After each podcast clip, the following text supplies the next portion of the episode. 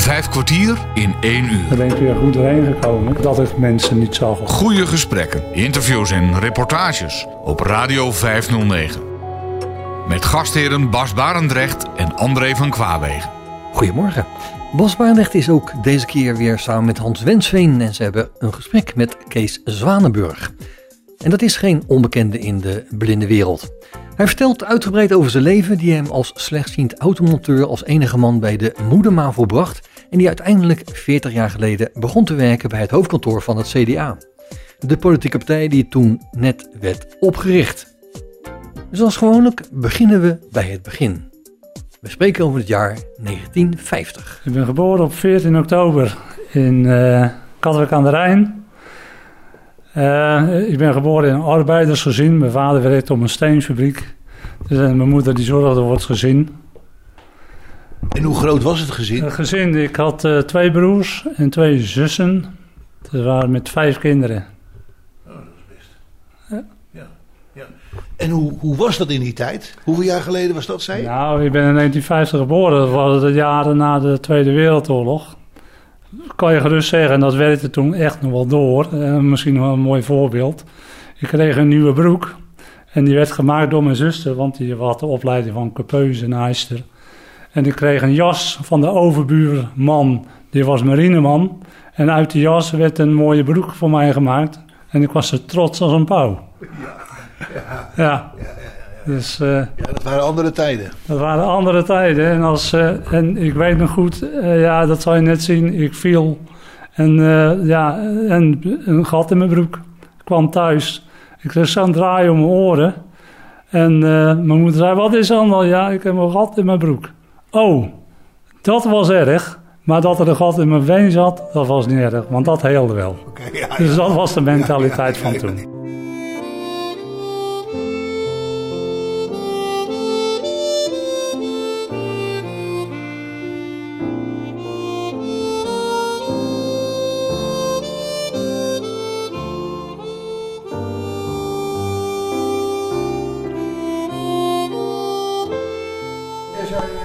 Katwijk aan de Rijn. Nou ken ik Katwijk aan zee. Ja. Maar waar ligt Katwijk aan de Rijn? Ja, nou, Rijn. kijk, Katwijk, het is nu één, één gemeente, Katwijk aan zee, Katwijk aan de Rijn. Maar vroeger, als je dan zei, ik kom uit Katwijk aan de Rijn. En uh, ja, dat was een groot verschil met Katwijk aan zee. Katwijk aan de Rijn had een katholieke kerk en die had, hadden ze in Katwijk aan Zee niet. Oké. En Katwijk aan Zee, ja, dat was toch een gemeenschap van mensen die op de, op, ja, heel veel mensen op zee, die vaarden. Ja. En eigenlijk Katwijk aan de Rijn, daar woonden heel veel landbouwers. Mensen die uh, ja, in, in de veeteelt, maar ook in de landbouw werkten. Ja. Want wij hadden een heel groot tuinbouwgebied rondom uh, Katwijk aan de Rijn. Ja. Was er ook een rivaliteit tussen die twee? Uh... Ja, er was zeker rivaliteit. Want als wij gingen stappen, en dan was er nog wel eens een keer matten op de boulevard in Katwijk. Want ja, dan was er zaterdagavonds kwam er uh, drank in de man. En uh, nou, dan kwamen Katwijk Zee tegen Katwijk aan de Rijn of Katwijk Zee tegen Rijnsburg. En ja, dat was land, dat, dat, dat, dat kwam er wel uit dat er uh, knap gemat werd. Ja. Ja. Hey Kees, en het geloof, hoe speelde de rol? Ja, natuurlijk. Ik had, ik zei, daar, hebben, hè, hadden we toen zware bonders en nog steeds, hè, wat je in Stapvoort zo vindt. Uh, en in Katwijk aan de Rijn is één, nog één kerk. Daar zijn we samen op weg gegaan. En er is nog een uh, hervormde kerk, katholieke kerk en de gereformeerde kerk. -hmm. Maar de grootste gemeenschap is gewoon de samen op weg hervormd. Ja. Ja, maar toen? Toen? Nee, ja, in de ja, je had drie kerken. En uh, laten we zeggen, wij waren hervormd. En we moesten zo naar de hervormde slager. Ja. En uh, de gereformeerden gingen bij de gereformeerde slager. We hadden vijf slagers, maar iedereen had dan een soort bordje boven zijn deur. Ik ben hervormd ja, en ik ben de slager van de hervormde. En dat, dat was wel een verschil, ja. Dat is nu helemaal niet meer. Hè? Nee, nee hoor, nee, echt niet. Nee. Het is nu één grote gemeente geworden, Katwijkzee. Katwijk aan de Rijn, Rijnsburg, Valkenburg. Ik dacht dat ze nu 60, 70.000 inwoners hebben. Dus ja, uh, ja, totaal. Dus, Als ik het goed heb, staat er ook in Katwijk een grote moskee tegenwoordig. Dus zelfs in zo'n gemeenschap is dat tegenwoordig. Ja, nou, die staat al een hele tijd, al, al 30, 40 jaar. Dat was de Soefi-tempel, de Soefi-beweging. Eh, toen die mensen daar kwamen, die hadden daar een stuk grond en er schijnt iets gebeurd te zijn. Dat men zei, dat is een soort heilige grond voor ons. Kunnen we daar een moskee bouwen? Nou, en dat in Katwijkzee stond wel naast de camping. Maar nou, heel Katwijkzee eh, stond op zijn achterste benen. Maar op een gegeven moment is het er toch doorheen gekomen. En ze hebben echt een, eh, een tempel gebouwd. Ja, De Soefi-beweging. Wordt ook goed bezocht. Ja, dat wordt wel heel goed, bezocht. Ja, echt, eh, echt landelijk. Hè. Er komen echt mensen daar naartoe vanuit eigenlijk het hele land. Ik, ik, ik weet ook niet, hier in de omgeving waar er nog meer een Soefi-tempel is. Dat weet ik niet.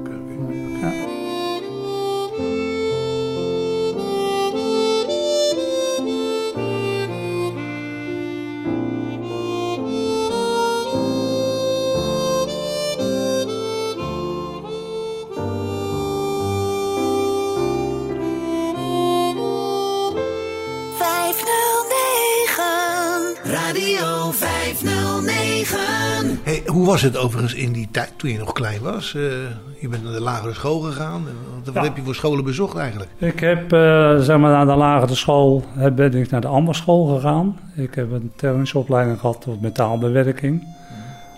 Ondanks voor mij toen al moeilijk werd, want ik kreeg al last van mijn ogen. Eh, Wanneer was dat? ja, kijk, het, het is een aangeboren afwijking. Ik heb kegeldystrofie. Maar toen ik 6, 7 jaar wa- was, eigenlijk op de lagere school, begon ik op het achterste bankje, want dat vond ik leuk. Maar na een half jaar zat ik al op het voorste bankje. Toen kon je het nog niet lezen. En toen kon ik het nog niet lezen. En eh, in de derde klas, vierde klas, moest ik al naar het bord toe lopen om hetgeen wat op bord stond te kunnen lezen. Dus ik kreeg al best wel last van mijn ogen. Maar ja, er was toen geen begeleiding. En mijn vader, die was fabrieksarbeider en die vond de monteurs, ja, dat waren de mensen, die konden wat doen met hun handen.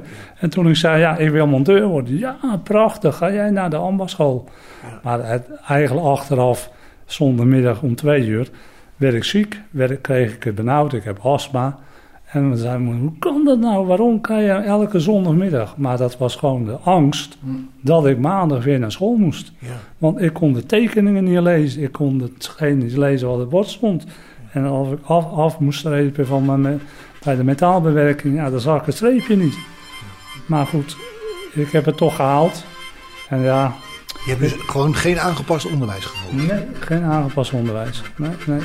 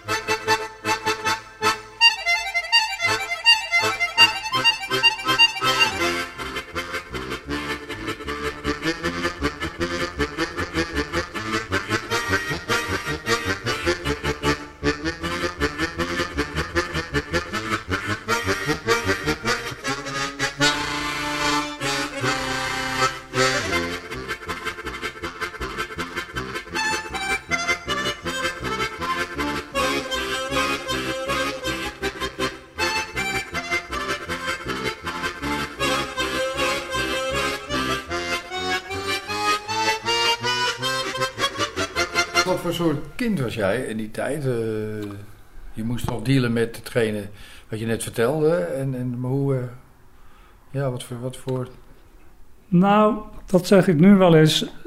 Ja, het was, het was, het was arm van en het was niet rijk. je kreeg een, uh, nogmaals een, trui en een broek van je, van je broer. En die werd korter gemaakt en dan kon jij weer mee verder dealen. Maar we hadden het allemaal niet rijk. Dus het viel helemaal niet op. En, maar ik had wel heel veel vrienden en, en kennis. Nee, ik was wel een, een, makkelijk kind, al zeg ik het zelf. En die hadden het eigenlijk ook niet rijk, die kinderen? Die hadden het allemaal niet. Nee, het was echt een volksbuurt. Ja. Allemaal uh, ja. elkaar. Uh, ja, uh, schillen ophalen en dan kreeg je een dubbeltje voor een zak schillen voor, bij, bij de boer. Ja, dat deden we ook. Ja.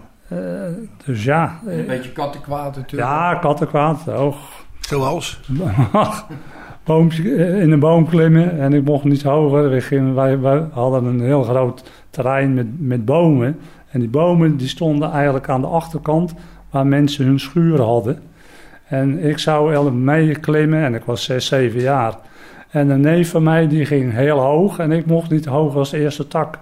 Ja, tot hij uit de bovenste tak viel.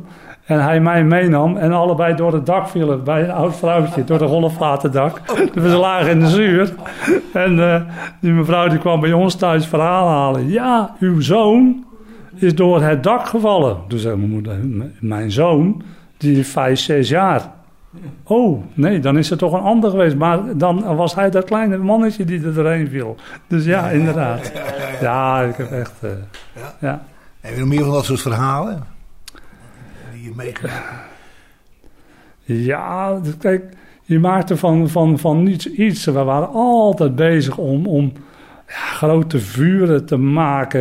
We hadden een bedrijven, die gooiden al een restafval daar ook. Want ja, het leek daar een vuilnisbelt. Maar ja, het was ideaal voor ons. Ja. Vuurs, vuurtjes stoken, bootjes maken, uh, varen in, in, in de Rijn. Uh, ja, je, je, was altijd bezig. Je timmert ook boten? Ja, ik timmert ook boten. Ja, en uh, ik kreeg een paar klompen en dat was, je ging naar school. En dan had je dus de, de, de kleren aan die gemaakt waren. Maar als je dan thuis komt, zei je moeder omkleden. Hè? En dan moest ik een overalletje aan op de klompen. Ja, en dan mocht je buiten spelen. Ja, ja.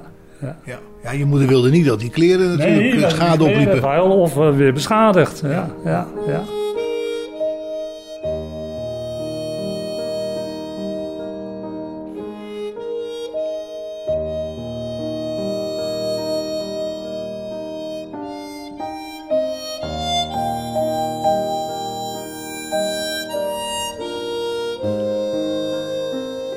Vandaag hoor je een gesprek dat Bas Barendrecht en Hans Wensveen met Kees Zwanenburg hebben gehad. Heeft een Rijn nog een uh, speciale betekenis voor je? Had in die zin, was het ook een speelplek? Of, uh... Ja, daar heb ik ook leren zwemmen. Want ja, zwemmen bij een zwembad, dat deed je niet. Nee. Dus ik ging in de, in, in de Rijn staan tot aan je middel en dan liet je je vallen. En dan was het uh, grote klappen geven en proberen tot, tot, tot twee, drie meter uit de kant en dan weer terug. En dan vier meter uit de kant. En dan vijf meter. En dan, dan zwom je eigenlijk twee keer de breedte van de Rijn. Maar zo heb ik het eigenlijk leren, geleerd. Leer je dat dan van vriendjes? Kijk je dat ja, af? Eigenlijk, ja, je, Hans, je deed het gewoon. Eh, er werd niet over nagedacht. Er was geen moeder die zei, ja, dat mag je niet doen. Je deed het gewoon. Nee, er waren trouwens ook geen zwembaden in die tijd. Hè? Dat, nou, in, nee, in, in zeker niet. We moesten naar Leiden. Ja. De overdekte op, de, op, de, op, de, op de Dat was... Uh, en ik had een vriendje, die mocht dan zwemles. Nou, die, ging, die was zes, zes, zeven jaar en op de fiets vanuit Katwijk in zijn eentje naar Leiden voor zwemles. Ja. Deed je dat ook fietsen en zo? Want je zegt ja, je ja. ja. beperking. Ja, nee, toen, toen, uh, toen kon ik toch redelijk goed zien. Fietsen op een, uh, op een herenfiets. Nou, een grote herenfiets. Ja, hoe moet je dan fietsen als kind? Nou, dat noemden wij tussenpootje. Ja. Daar onder de stang door, fiets schuin. Oh, en dan zo fietsen. Ja, oh, ja, ja. tussenpootje. Tussenpootje heet het dat. En tot, tot welke leeftijd heb jij gefietst? Nou, uh, ja, nou, eigenlijk, ik fiets nog steeds. Ja. Maar wel, dan moet mijn Jan voorfietsen. Dus maar een tandem rijden nu? Nee, nee, niet, niet, geen tandem. Je rijdt achter Marian aan? Oh, echt achter Marian aan. Dat hou ik in de gaten. Maar kijk, ik heb uh, op een gegeven moment uh, wel gezegd... Uh, het is niet meer verantwoord dat ik alleen naar de stad ga. Of Kijk, als ik hier naar de sportschool, dan ga ik hier over de dijk. Daar, daar lopen geen- bijna geen mensen. En dan kan ik zo tussendoor en dan ben ik er. Maar ik zal niet meer in mijn eentje even naar Leiden fietsen.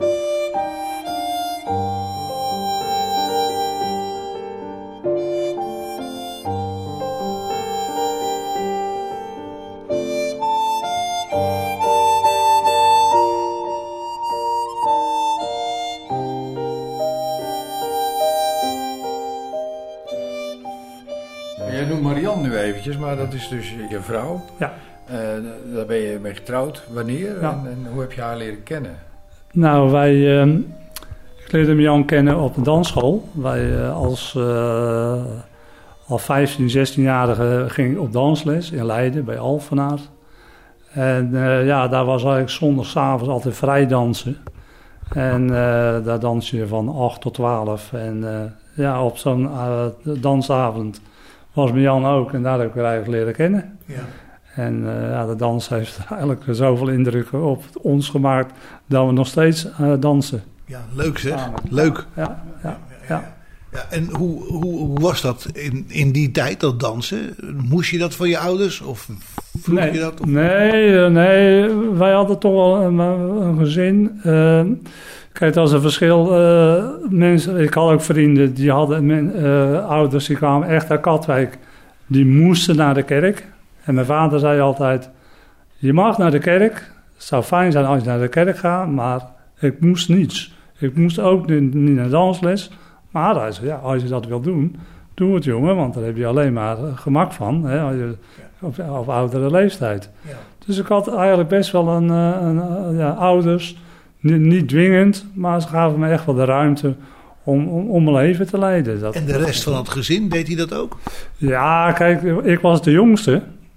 Eh, mijn, mijn oudste broer, die was 18, 19 jaar ouder als ik. Ik werd geboren, toen was hij 19. Dan zat hij ook in, eh, bij de marine, dat vergeet ik nooit. En eigenlijk toen ik hem leerde kennen, toen dacht ik eigenlijk dat mijn oom bij ons op visite was. Maar het was mijn broer. broer. Want toen was hij ook nog gaan emigreren. Eh, toen toen, nou, toen was, was ik vijf jaar. Nou ja, toen kwam, want hij was na een jaar weer teruggekomen uit Canada. En toen, dacht, toen zei ik, wie is die man? Ja, dat is je broer. Dus, maar, maar mijn zus, ja, zusters, kijk, die moesten zaterdagavond om tien uur binnen zijn. En eh, mijn broer, die mocht om twaalf uur binnen zijn. En ik zei, mijn vader zei altijd, als je naar thuis komt, zorg dan dat de buren geen last van je hebben. Dus het werd wel eens zondagsmorgens om zeven uur dat ik thuis kwam. Hey, Kees, en toen jij Marianne leerde kennen op die dansschool, hè, toen, toen zag je natuurlijk ook al eh, een stuk minder. Eh, dat is voor Marianne nooit een probleem geweest, maar eh, was dat ook voor jou in die omgeving? Gewoon, je kon je vrij bewegen, je kon, ja, even, even kort de bocht gezegd, gewoon op een normale manier op de versier toe, laat ik maar zeggen. Ja, ja, nou ja, goed. Je weet het uitgangspunt. Als je het niet goed kan zien, dan mag je voelen. Ah, Ja. Dus ja, nou ja, daar heb ik ook een beetje gebruik van gemaakt. Nee, hoor. nee ik, ik kon dat toen toch nog wel redelijk goed zien. Ik heb zelfs ja, mijn rijbewijs omgehaald. Je rijbewijs. Ja, en dat is ja, ook wel leuk.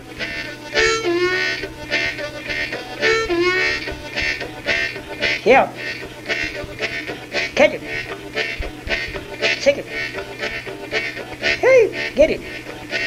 Help, help, help. Hey, catch it.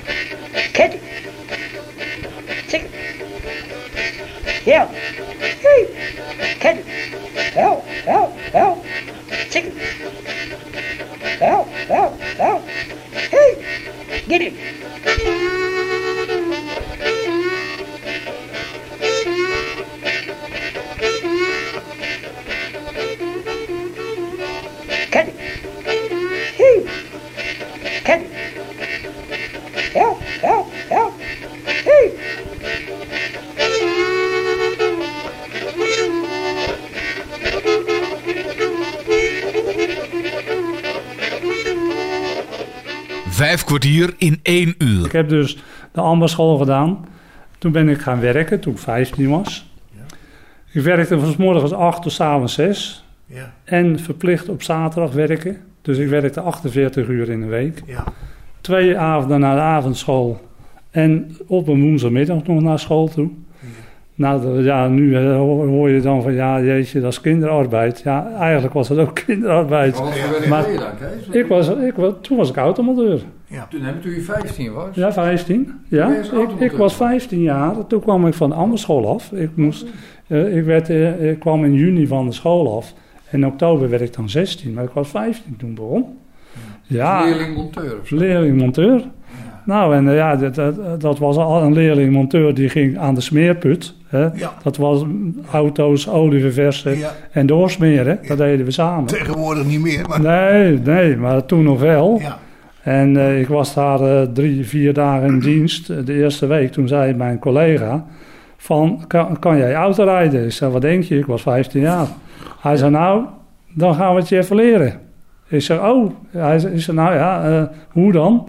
Nou, hij zei, nou, aan de overkant lag bij ons een, een stuk braak, braak liggend stuk grond. Eh, en er stonden ook alle de auto's van de garage op. En er stond een bus, een, een dienstbus. En eh, toen zei hij van, nou, gaan we in die bus zitten. Eh, start je auto maar. En dat is de koppeling, dat is de rem en dat, dat is het gaspedaal. Nou, hij zegt, ge- geef me gas. Hij startte die auto.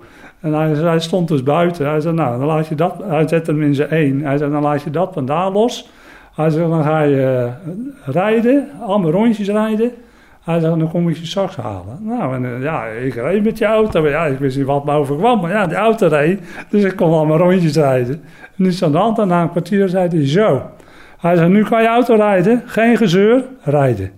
En dat is goed. Toen reed ik ook. Maar die man die wist ook dat jij...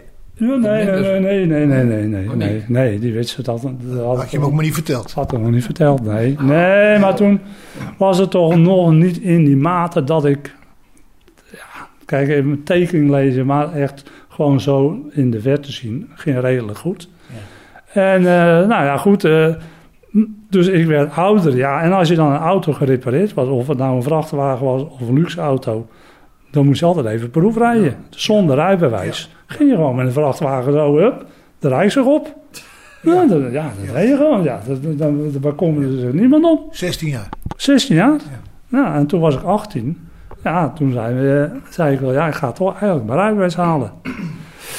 nou ja, eh, ik wist dat de rijinstructeur die reed, eh, de rijschoolhouder, die kwam met de auto. En die kende mij ook via die garage.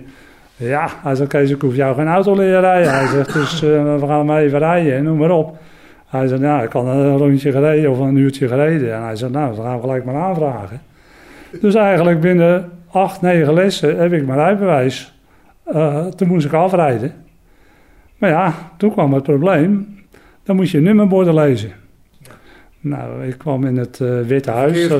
Nou, je moest dus een nummerbord lezen. Je kwam, als je dan, ik kwam in het Witte Huis en die, eh, toen kwam, liep je naar buiten toe en zei de rijinstructeur van... Kijk even, wat is het nummerbord? Lees even het nummerbord voor. Dat was een Ja, dat was een probleem. Maar daar had ik het volgende op gevonden. Vijf minuten dat ik voor, voordat ik af moest rijden, zei ik tegen mijn rijinstructeur, want die zou meerijden. Ik ga even naar buiten, ik ben zo zenuwachtig. Wat deed ik nou? Ik nam al die nummerborden, dat prende ik in mijn hoofd. Dus toen ik naar buiten liep en hij zei van, zeg even de nummerbord. Toen zei ik, oh meneer, dat is AK 1520. Oh, prima.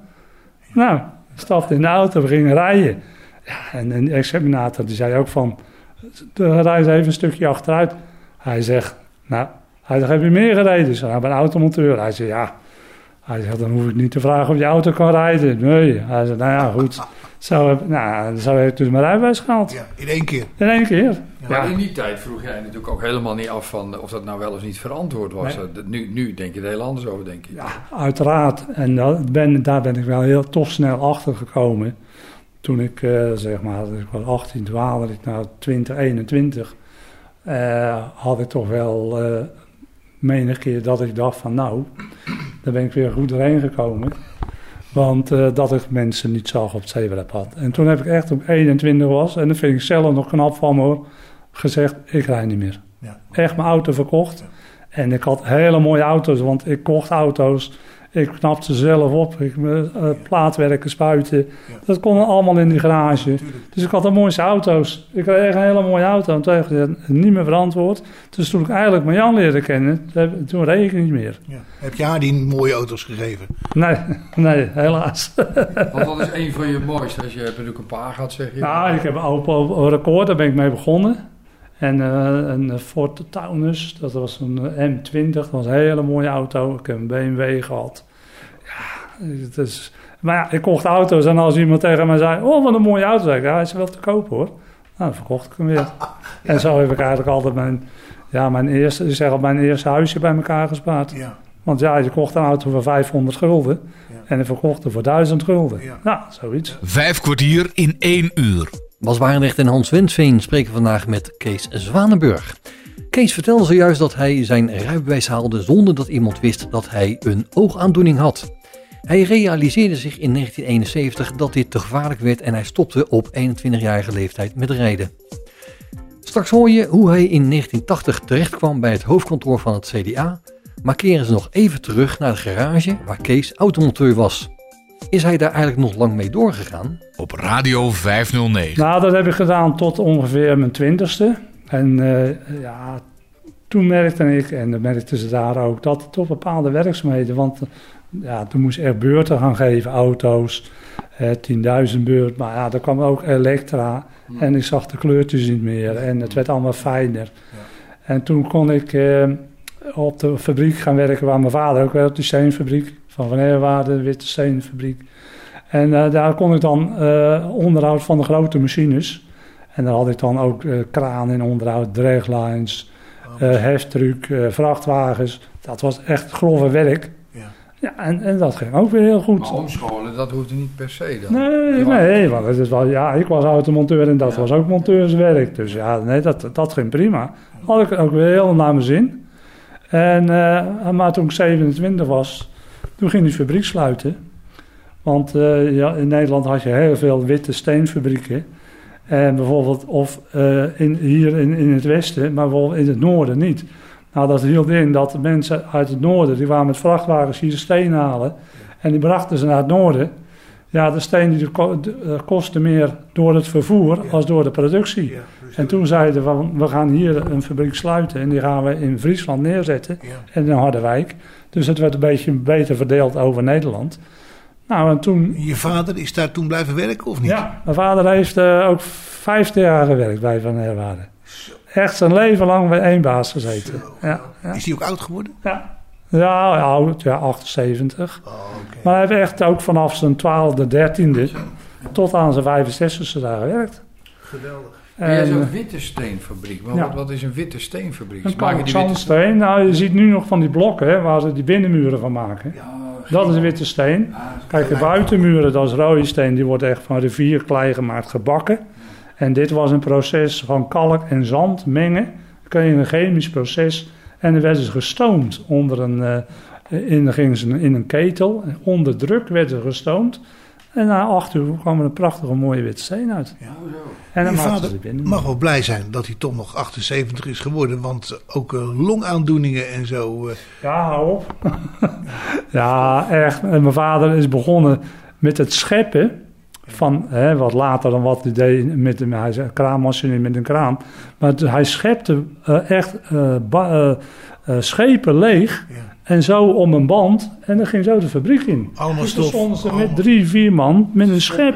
Stonden ze gewoon zo'n heel, heel schip leeg Elkaar te bestoffen. En, ja, en dan die kalk. Later kwam dat allemaal in tankwagens aan. Dat werd in, in uh, hij kwam uit Duitsland en dan werd die kalk ook gebroken. En daar kwam een poeder voor hem aan. Ja. Maar vroeger kwam het in schepen aan in grote brokken. Brokken van uh, doorsnee, laten we zeggen, 50 centimeter. En dat kwam daar in een soort grote mixer, zo moet je het zien. Ja. Dan werden die brokken gehakt. Ja, en daar stond een oom van mij, want het was een familiebedrijf. Die stond daar de hele dag gewoon die brokken in die, in, in, in, in, die, in die breker te scheppen. Nou, die man die kwam thuis, die was net zo wit als, uh, als Bas Barendrecht. Als, als Bas Barendrecht. ja, ja, dus smeerde ze eigenlijk in met vaseline, want het was ongebluste kalk. Oh, dus die mensen die zonnen helemaal, die huid was gewoon perkament. Dat was Ja, onvoorstelbaar, ja. En die man is ook nog dik in de tachtig geworden, dus ja. ja. ja.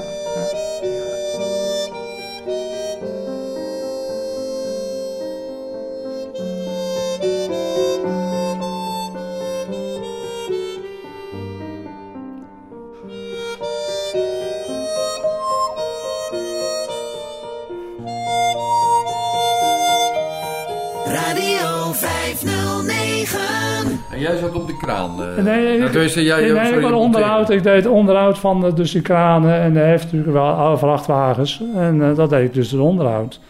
Maar goed, toen stopte die fabriek en nou, al het personeel uit Katwijk kon mee naar Hillegom, want daar staat hè, dat, die, ook een vrijwaarde.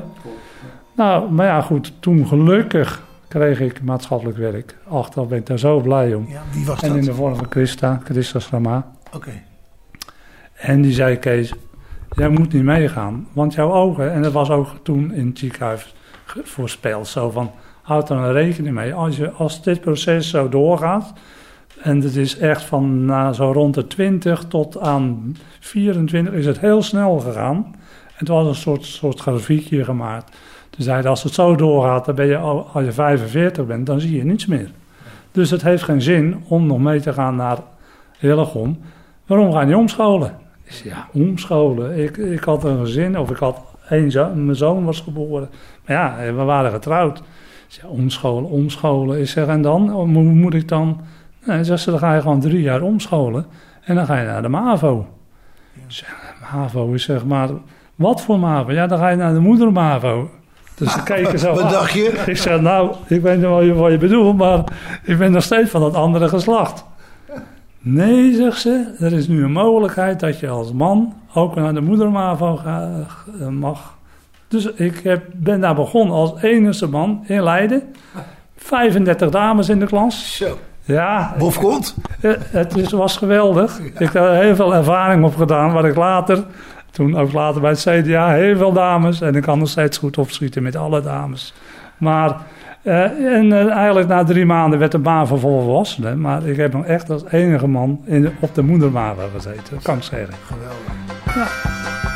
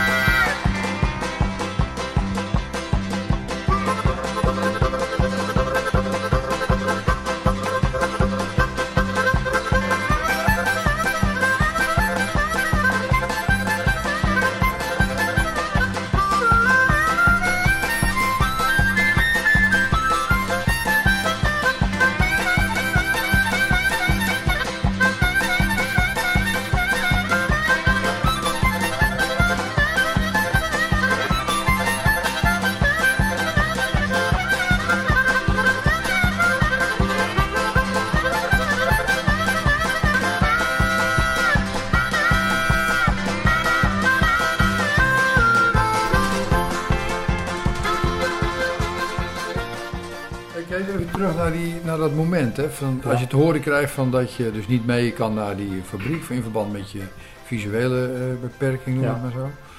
Eh, hoe ben je daarmee omgegaan? Want het lijkt me een behoorlijke, behoorlijke tik eh, als je zoiets hoort. Ja, ik, ik was toch altijd wel geleid of iemand. Nee, nee, nee. Ik, ik, keek toch altijd wel vooruit. Nooit achter, achterom kijken van ja, wat, heb ik, wat kan ik, wat heb ik gedaan.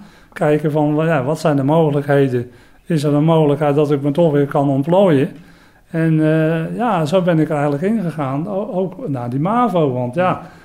Ik kreeg toen ook nog een meneer, ik kwam uit Noord-Holland, ik weet niet meer zijn naam. Delver. Meneer Delver, ik wou het niet zeggen. En die kwam wel langs en die zei: Waarom ga je dan nog werken en omscholen? Laat je lekker afkeuren, want dan hoef je nooit meer te werken. Het was niet En- in jouw mentaliteit. En toen heb ik gezegd: Nou, ik heb li- liever dat je nu de deur uitgaat, want dat wil ik niet. Ja. En hij is er eh, toen weggegaan. ja, ja. En eh, dus ik, eh, nee, ik, ik, heb daar, tuurlijk, je, je loopt altijd tegen dingen aan. Dat heb ik nog steeds, dat je altijd bepaalde dingen wil en niet gaat. Je moet het altijd toch op, op jouw manier verwerken. Nu is het minder als toen.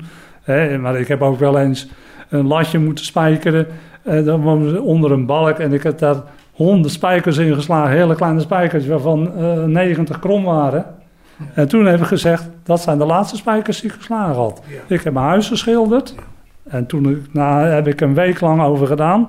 En toen heb ik tegen jou gezegd, dat is de laatste keer dat ik een huis geschilderd heb. Ik kon het wel eigenlijk makkelijk soortement van me afzetten. Van, dat kan niet meer, stoppen. En aan een vakman overlaten. Kijken wat je, ja, ook dat. Maar kijken wat je nog wel kan. Maar je partner moet daar ook natuurlijk mee dealen. Hè? Dat- Ja, dat- maar ik moet zeggen, Marjan heeft dat... eh, kijk, ik heb dat ja, toen ik haar leerde kennen ook gelijk ja, ook moeten zeggen natuurlijk. Van ja, ik heb geen auto, ik kan niet meer.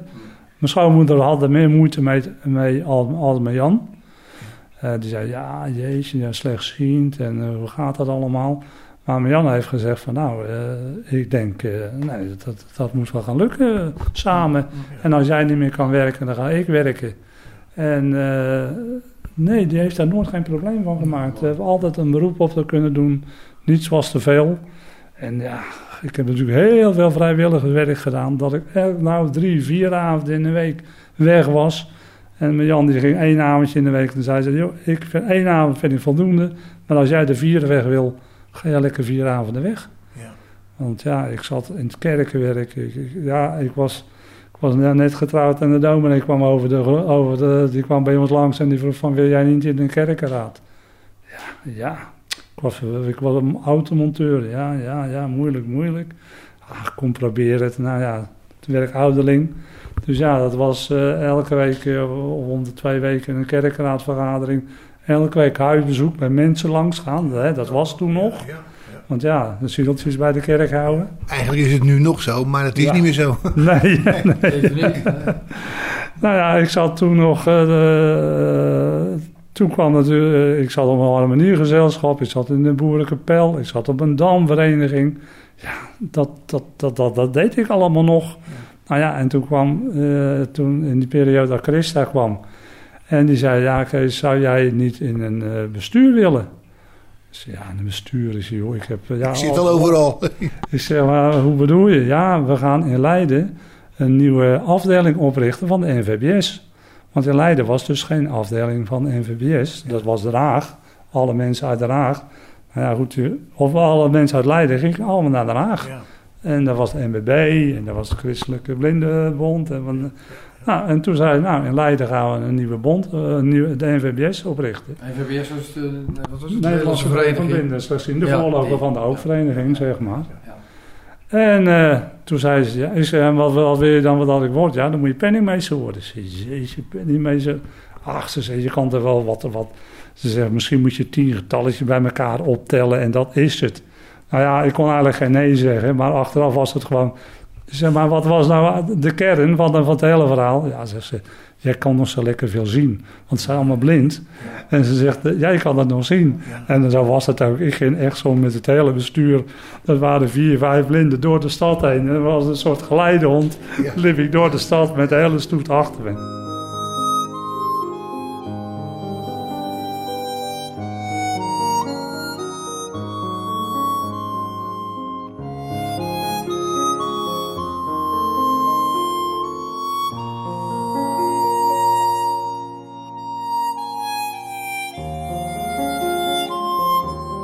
In vijf kwartier in een uur spreken Bas Barendrecht en Hans Wensveen met Kees Zwanenburg. Kijk, heel, heel even terug naar die ouderlingperiode. Eh, Dat was huisbezoek. Ja. Nou is er een uitdrukking dat is van... eh, Die borrel gaat erin eh, als een... eh, nee, het gaat erin als een borrel in een ouderling. Herken je dat? Nou ja, kijk, het was, het was niet altijd makkelijk hoor. Want eh, god, wij moesten ook bijvoorbeeld, als er iemand overleden was, ja, dan moest je daar ook naartoe. En ik was 24. Ja, en ik had dan wel iemand, een oudere iemand, we deden dat samen. Maar ja, je moest ook wel eens een woordje doen. Ja, je moest ook wel eens een gebed doen. Hè? Als iemand overleden was, dan, dat werd allemaal eigenlijk van je verlangd. Ook Nooit een opleiding voor gehad? Nee, nee, helemaal niet. Nee joh, wij, eh, wij hadden de categorisatie gedaan, samen met mijn Jan. Daar kende die me van, die dominee. En die zei, nou, vind je wel een serieuze vent, word jij maar ouderling. Zo.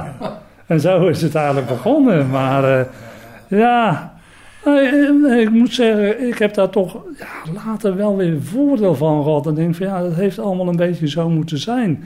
Die ervaring, kerkraad, besturen. Later gaat de NVBS ook weer een bestuur.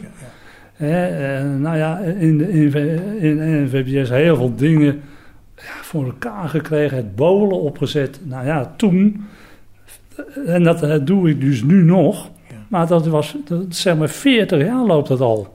Eén keer in de maand bolen. Hè, elke zaterdag. Nou, dat heb ik toen helpen oprichten met Teun Vonk. Ja. Het goalballen. Ja. Nou, dat was jou ook niet onbekend. Nee.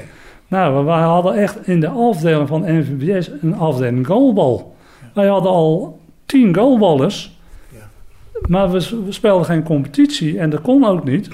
Want we moesten dus bij een vereniging aansluiten die bij de NEBOS was aangesloten. Hè? En anders mocht je dus geen competitie spelen. Nou, en toen zijn we, kwam, kwam dus GSV de Sleutels Ja. in zicht. En daar zijn we toen ook lid van geworden. En daar Competitie gaan spelen. nou, ja, de landelijke competitie. Ja, in, eh, Ja, nou ja, en dat hebben we natuurlijk eh, ja, tot, eh, tot de hoofdklasse hebben we dat toegebracht. En heel veel plezier en heel veel ja, leuke dingen in het buitenland gespeeld. Zweden, Duitsland, België, Frankrijk, Zwitserland. Ja, dat was prachtig. Ik heb een mooie tijd. En daar heeft Kees eh, Smit ook Kees een Smit. belangrijke rol gespeeld. Ja, ja, ja. Ke- Kees is toch wel in de... En Kees, dat was een ja, dat ook een leuk verhaal. Wij gaan ergens in Rotterdam, ging ik voor een bril. En eh, ik sta daar... eh, en er komt ook een, een, een jong... Nou, Faber was dat, denk ik. Vader, ja, Ja, ja. Ja, Die oude Faber. de oude Faber. Ja. Daar bij het stadhuis zat hij daar. Ja, achter, ja, hè. dat klopt. Ja. Hij had, eh, in één zin had hij altijd vier vloeken zitten. Dat was wel leuk voor Daarvoor iemand ben ik ouderling ja. geworden, Ja, ja, ja. Maar, en er komt ook een, een, ja, een jong stel, een man en een vrouw. En ja, die, en die was ook slechtziend, die man. Nou, een plaatje, we kwamen weer aan, ja, we kwamen met voorschoten. Nou ja, goed, zoals het gaat. Ik, eh, ik werd eh, geholpen en hij werd geholpen en we hebben elkaar daar niet meer gezien. Tot ik dus in Leiden kwam bij de NVBS om die afdeling op te richten. En er zat Kees Smit. En Kees werd secretaris. Ik werd penningmeester. En eh, Hans Vonk die werd voorzitter. Dus ik kwam Kees. En Kees heeft eigenlijk ja, mijn leven lang. Eigenlijk zijn we een, een ja, Als duo. als duo door het leven gegaan. Ja, ja, Nou ja, jou ook die onbekende vakantiecommissies. Ja, hè? ja. In Ommen. ja, geweldig. Hè? Ommen. En eh, later, nou ja, goed.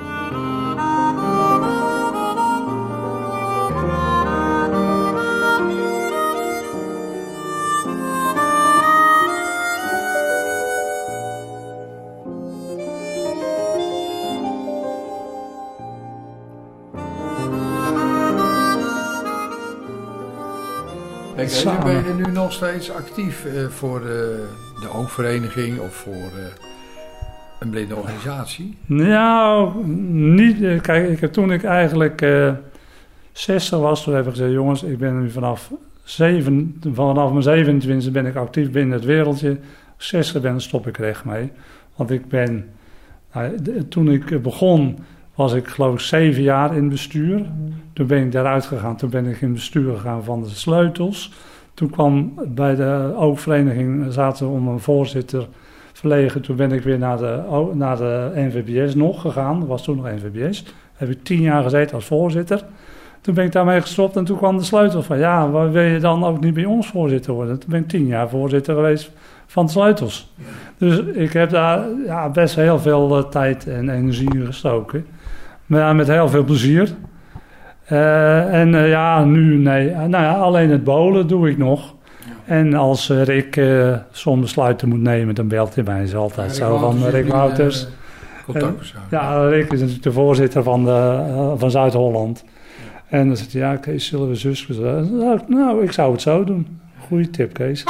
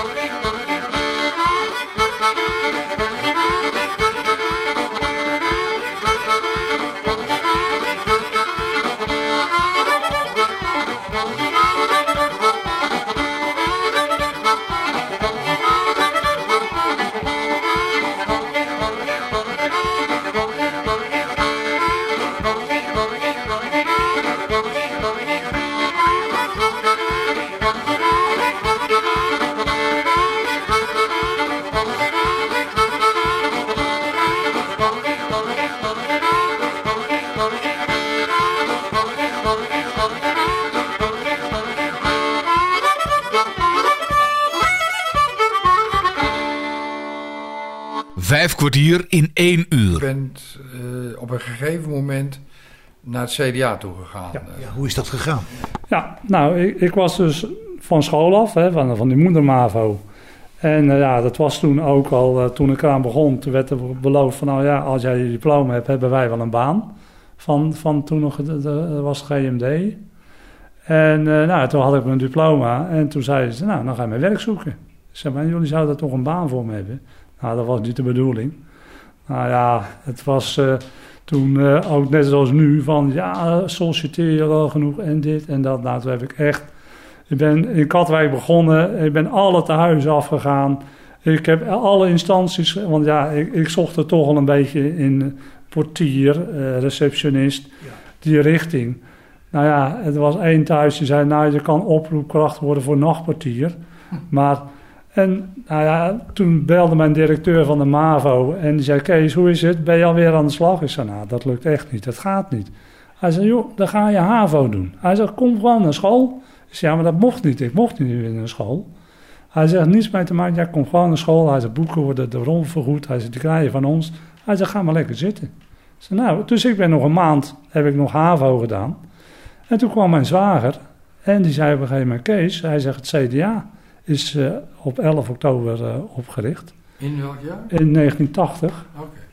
Hij zegt, en dan vragen ze een receptionist, telefonist, wil je dat? Ik zeg, wil je dat? Ik zeg, man, ik wil alles. Wanneer kan ik beginnen? Ja, Hoe oud was je toen? Nou, toen was, dert- eh, toen was ik eh 30. Dat- Toen in 1950 en eh, ja. 1980. Ja.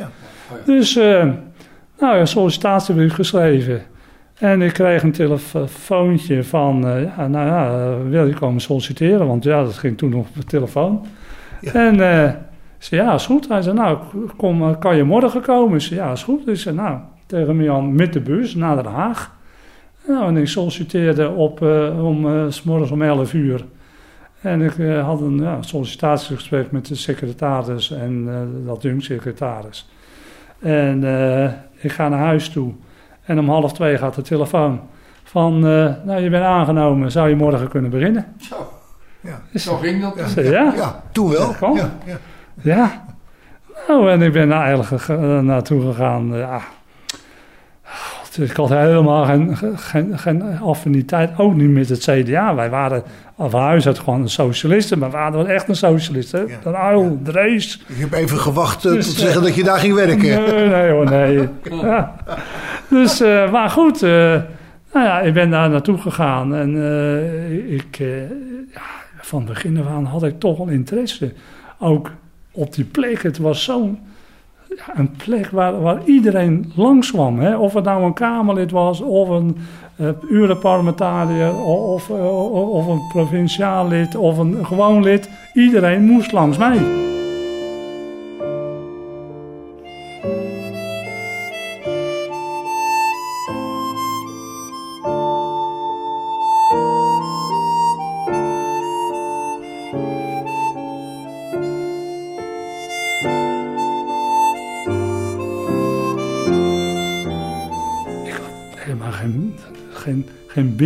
Ook, ik wist helemaal niets van, van politiek. En op een gegeven moment zat ik bij de receptie en er komt echt... Er komt een man binnen, die was twee meter en een man en een mannetje, die was 1,50. En dat kleine mannetje staat voor de, voor de, voor de, voor de receptie, wat een luikje. Ja, ik kom van Bukman. Zo. Zo, wie kan ik zeggen wie er is? Wat? Zou te zeggen wie er is? Ken je me niet? Zo, nee, sorry. Met Pieter Jong. En daar de Biesheuvel. Nou, jongen. Het lijkt net een snippersnap. Maar de Biesheuvel had duimen. Nou, die waren drie keer zo dik als de mijne. En de man die Pieter Jong. Nou, maar ja, dat, dat, dat kwam allemaal langs. En ik... En, eh, ik ging mee eh, eh, op, op een, er was een partijbijeenkomst ergens in het land. En ja, wij moesten dan ook, ik was een beetje ingedeeld van, joh, als er zo'n zaal aangekleed moest worden, ging je mee. Je smiddags om twee uur naartoe naar Brabant. Je, je kleedde zo'n zaal aan met de me- mensen van de drukkerij en met een man of vijf, zes. En, eh, nou, en ik had een, eh, ja, ik vergeet het nooit. Ik had mijn trui en, en een broek aan, een nette trui.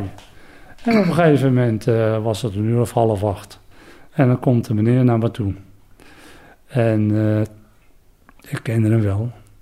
En die zegt, meneer, prachtig die trui, maar wel de verkeerde kleur. Ik had een rode trui aan. Oh, En dat was Piet Steenkamp. Piet Steenkamp. Ja, ja, rode Piet was dat. Piet, ja, Piet Steenkamp. Aan de andere kant, het, eh, het was een heel, ja, nog steeds. Eh, ik vind het een fantastisch eh, bedrijf, sfeer. Zo, rangen en standen kenden we niet. Je zat net zo makkelijk bij de voorzitter binnen. Je werd ja, gewoon gewaardeerd als mens. En ja, je, werd ook niet gezegd oh, je bent gehandicapt. Dat is een mooi verhaal, dat ga ik vertellen. Op een gegeven moment zit ik in de trein van Leiden naar Den Haag. En er komt iemand binnen, die had ik dus gezien bij de... Nee, die had. Nee, die kwam in de trein. Dat moet ik even goed vertellen. En die, hij zegt, ik, jij werkt toch bij het CDA? Ja, zeg ik. Oh, oh, oh. Hij zegt, het is wat bij dat CDA. Ik zeg, hoe bedoel je? Hij zegt, Jan-Willem Wiggers, dat was secretaris buitenland, en hij zat in ook in een commissie buitenland. Hij zegt, bij ons zit er een blinde man. Hij zegt, en die hebben een apparaat. Hij zegt, en met het apparaat, dat kan die zien. Ik zeg, oh? Hij zegt, maar ik moet de trein uit, dus hij ging bij Mariehoeven de trein uit. Ik denk, wat krijgen we nou? Dus een blinde man, die heeft een apparaat en met dat apparaat kan hij zien. Dat verhaal. En toen later, toen kwam hij, hij zegt, joh, jij was toch die man in die trein? Hij zei, zei, ja, hij zei, maar jij Op kan kantoor Ja, zei, jij kan toch nog goed zien? Ik zei, nou, goed zien niet. Ik zeg, ik heb wel het apparaat nodig. Ik ben, ben niet blind. Maar dat verhaal ging dus rond. Was een blinde man die met het apparaat goed kon zien. Ja, schitterend. Je hoort het. Kees Zwanenburg zit vol verhalen over het werken bij het CDA. En daarom gaan we daar volgende week nog even mee door. Voor nu bedank ik je mede namens Bas Barendrecht en Hans Wensveen voor het luisteren. En heb je vragen of opmerkingen, dan kan je een mailtje sturen naar bas.radio509.nl. Geniet van de rest van deze zondag, blijf luisteren naar Radio 509 en tot een volgende keer. Vijf kwartier in één uur is een programma van Bas Barendrecht. Techniek André van Kwaabegen.